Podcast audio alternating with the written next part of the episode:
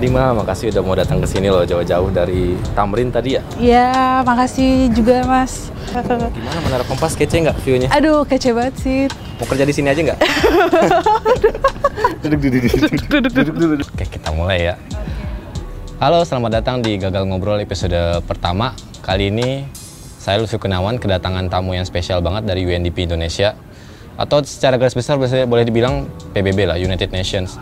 Ini namanya Mbak Agnia Dima dari UNDP Indonesia sebagai Sebagai Project Implementation Officer ya di salah satu projectnya yang bernama Sustainable Development Financing.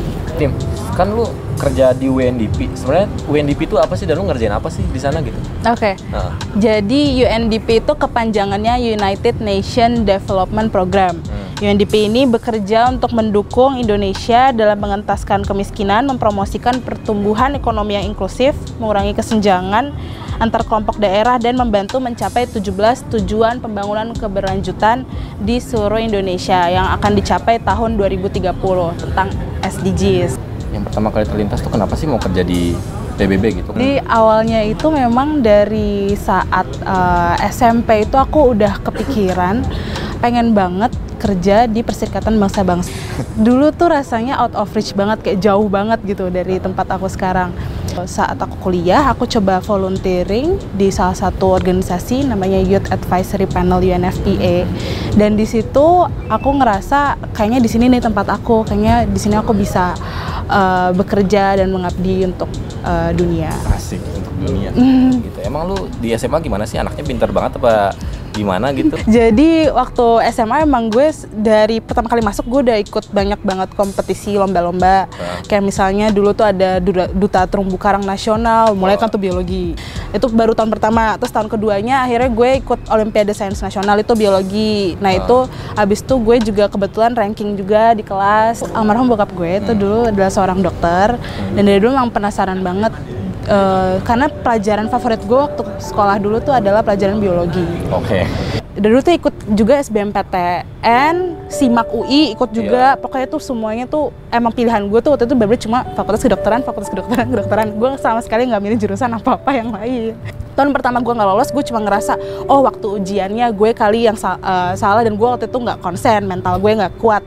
Coba lagi tahun kedua, saat tahun ketiga gue menyadari kan, ini SBMPTN udah, gue udah terakhir nih, last Ya. chance banget nih gimana caranya gue bisa eh, kuliah karena salah satunya opsi gue adalah gue harus masuk PTN. Gimana caranya lu survive di keadaan kayak gitu? Dua tahun nggak lulus S6 PTN atau SMAK itu buat gue sih terlalu berat ya.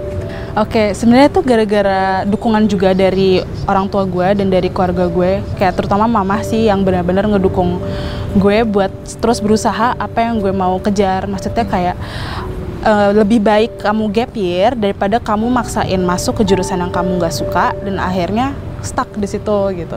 Tapi eh, ya memang waktu masa-masa itu aku bahkan juga menutup diri sih mas dari eh, keluarga aku dari teman dari keluarga besar dari teman-teman aku juga teman-teman SMA itu aku banyak banget yang aku lost contact karena aku ngerasa down banget dari diri aku sendiri. Bahkan guru-guru SMA yang nanyain kabar aku gimana pun aku juga kayak males banget nyeritain ya karena aku tuh nggak lolos berkali-kali. Terus akhirnya eh, di situlah maksudnya saat eh, dua tahun itu gue malah jadi deket banget sama nyokap gue deket banget sama keluarga gue dan gue dibimbing terus.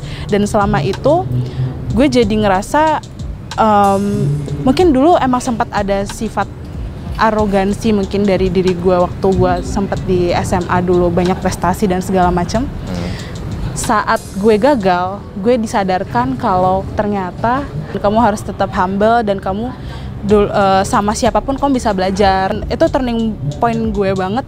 Gue akhirnya ya eh, bisa lebih menerima masukan orang. Dan gue bisa nurunin gengsi gue dan akhirnya gue banyak belajar dan di situ yang gue juga karena gue banyak belajar dan gue nggak ngerasa gue lebih tinggi daripada orang lain gue berusaha rendah hati akhirnya di situ justru gue dapat banyak kesempatan Singkat cerita akhirnya lu bisa lulus di FKM UI.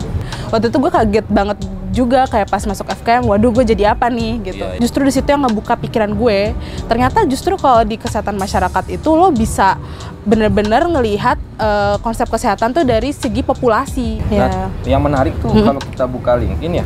Di LinkedIn lu banyak eh, prestasi-prestasi yang menggemaskan. Pokoknya gue pernah lihat lu masuk ketika masuk UI, lu melamar sebagai graphic designer, ya. terus lu lompat ke UKM itu jatuhnya ya, UKM film. Ya, benar. Catur Cinema. Ini kenapa bisa nyasar di dua kegiatan yang kayaknya ini bukan FKM juga, lebih ke communication gitu. Kenapa itu? Oke, jadi dulu emang dari SMA tuh gue tertarik banget sama video editing. Dulu jam sebelum zaman youtuber hits ya. Iya. Di situ gue ngerasa ah, eh, ya udahlah kan gue kuliah nih empat tahun di sini. Kenapa gue nggak maksimalin aja? Sekarang skill-skill itu juga tetap gue bawa di CV gue sampai sekarang gitu. Dan itu yang sebenarnya ngebangun banget sih. Jadi lo kuliah di mana aja, yang penting skill lo yang lo kembangin. Iya. Dan kayak ujung-ujungnya juga lo kerja yang dilihat tuh adalah skill lo gitu loh. Terus akhirnya bisa menemukan kayaknya gue pengen masuk PBB deh gitu. Itu sejak kapan sih?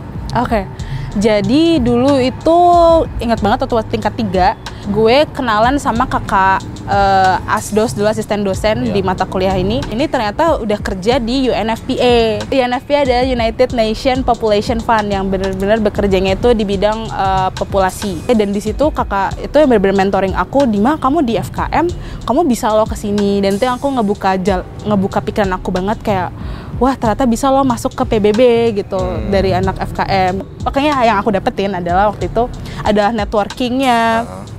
Aku kenal dari teman-teman NGO, dari teman-teman aktivis anak muda semuanya. Dan ternyata tuh jurusan gue tuh ternyata dibutuhin di dunia gitu loh. Pasti banyak yang nanya, Kak, gimana caranya masuk UN atau specifically UNDP kayak gitu kan? Sebenarnya sih uh, mirip-mirip juga sama uh, pekerjaan lainnya pada umumnya. Misalnya kita juga via online, uh, kita ada website namanya UNDP Indonesia. Di situ bisa di googling aja vacancy UNDP Indonesia. Dan perlu ini nggak sih kayak TOEFL mesti berapa gitu atau harus lulus dari eh, kampus mana gitu?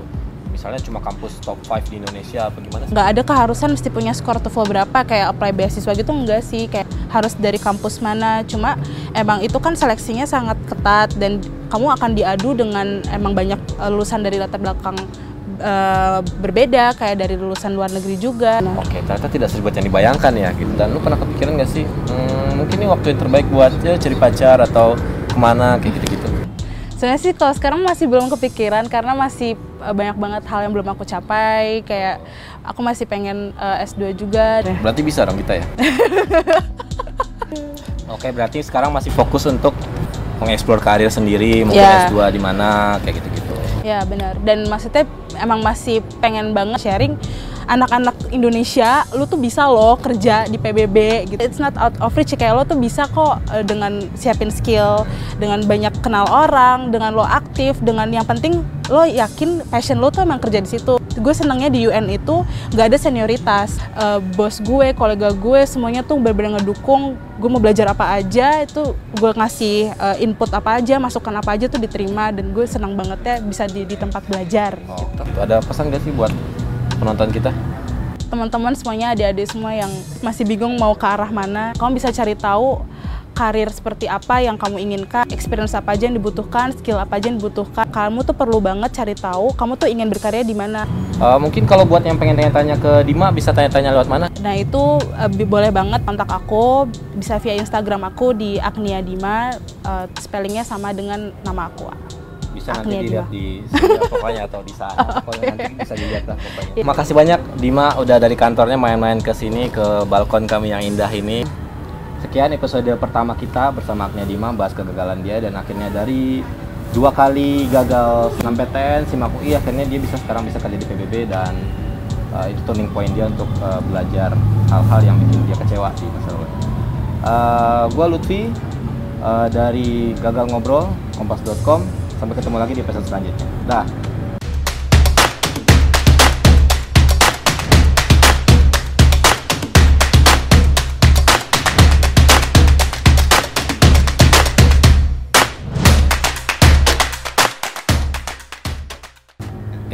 Gaji di PBB berapa? Wah tidak boleh, tidak boleh diungkap itu.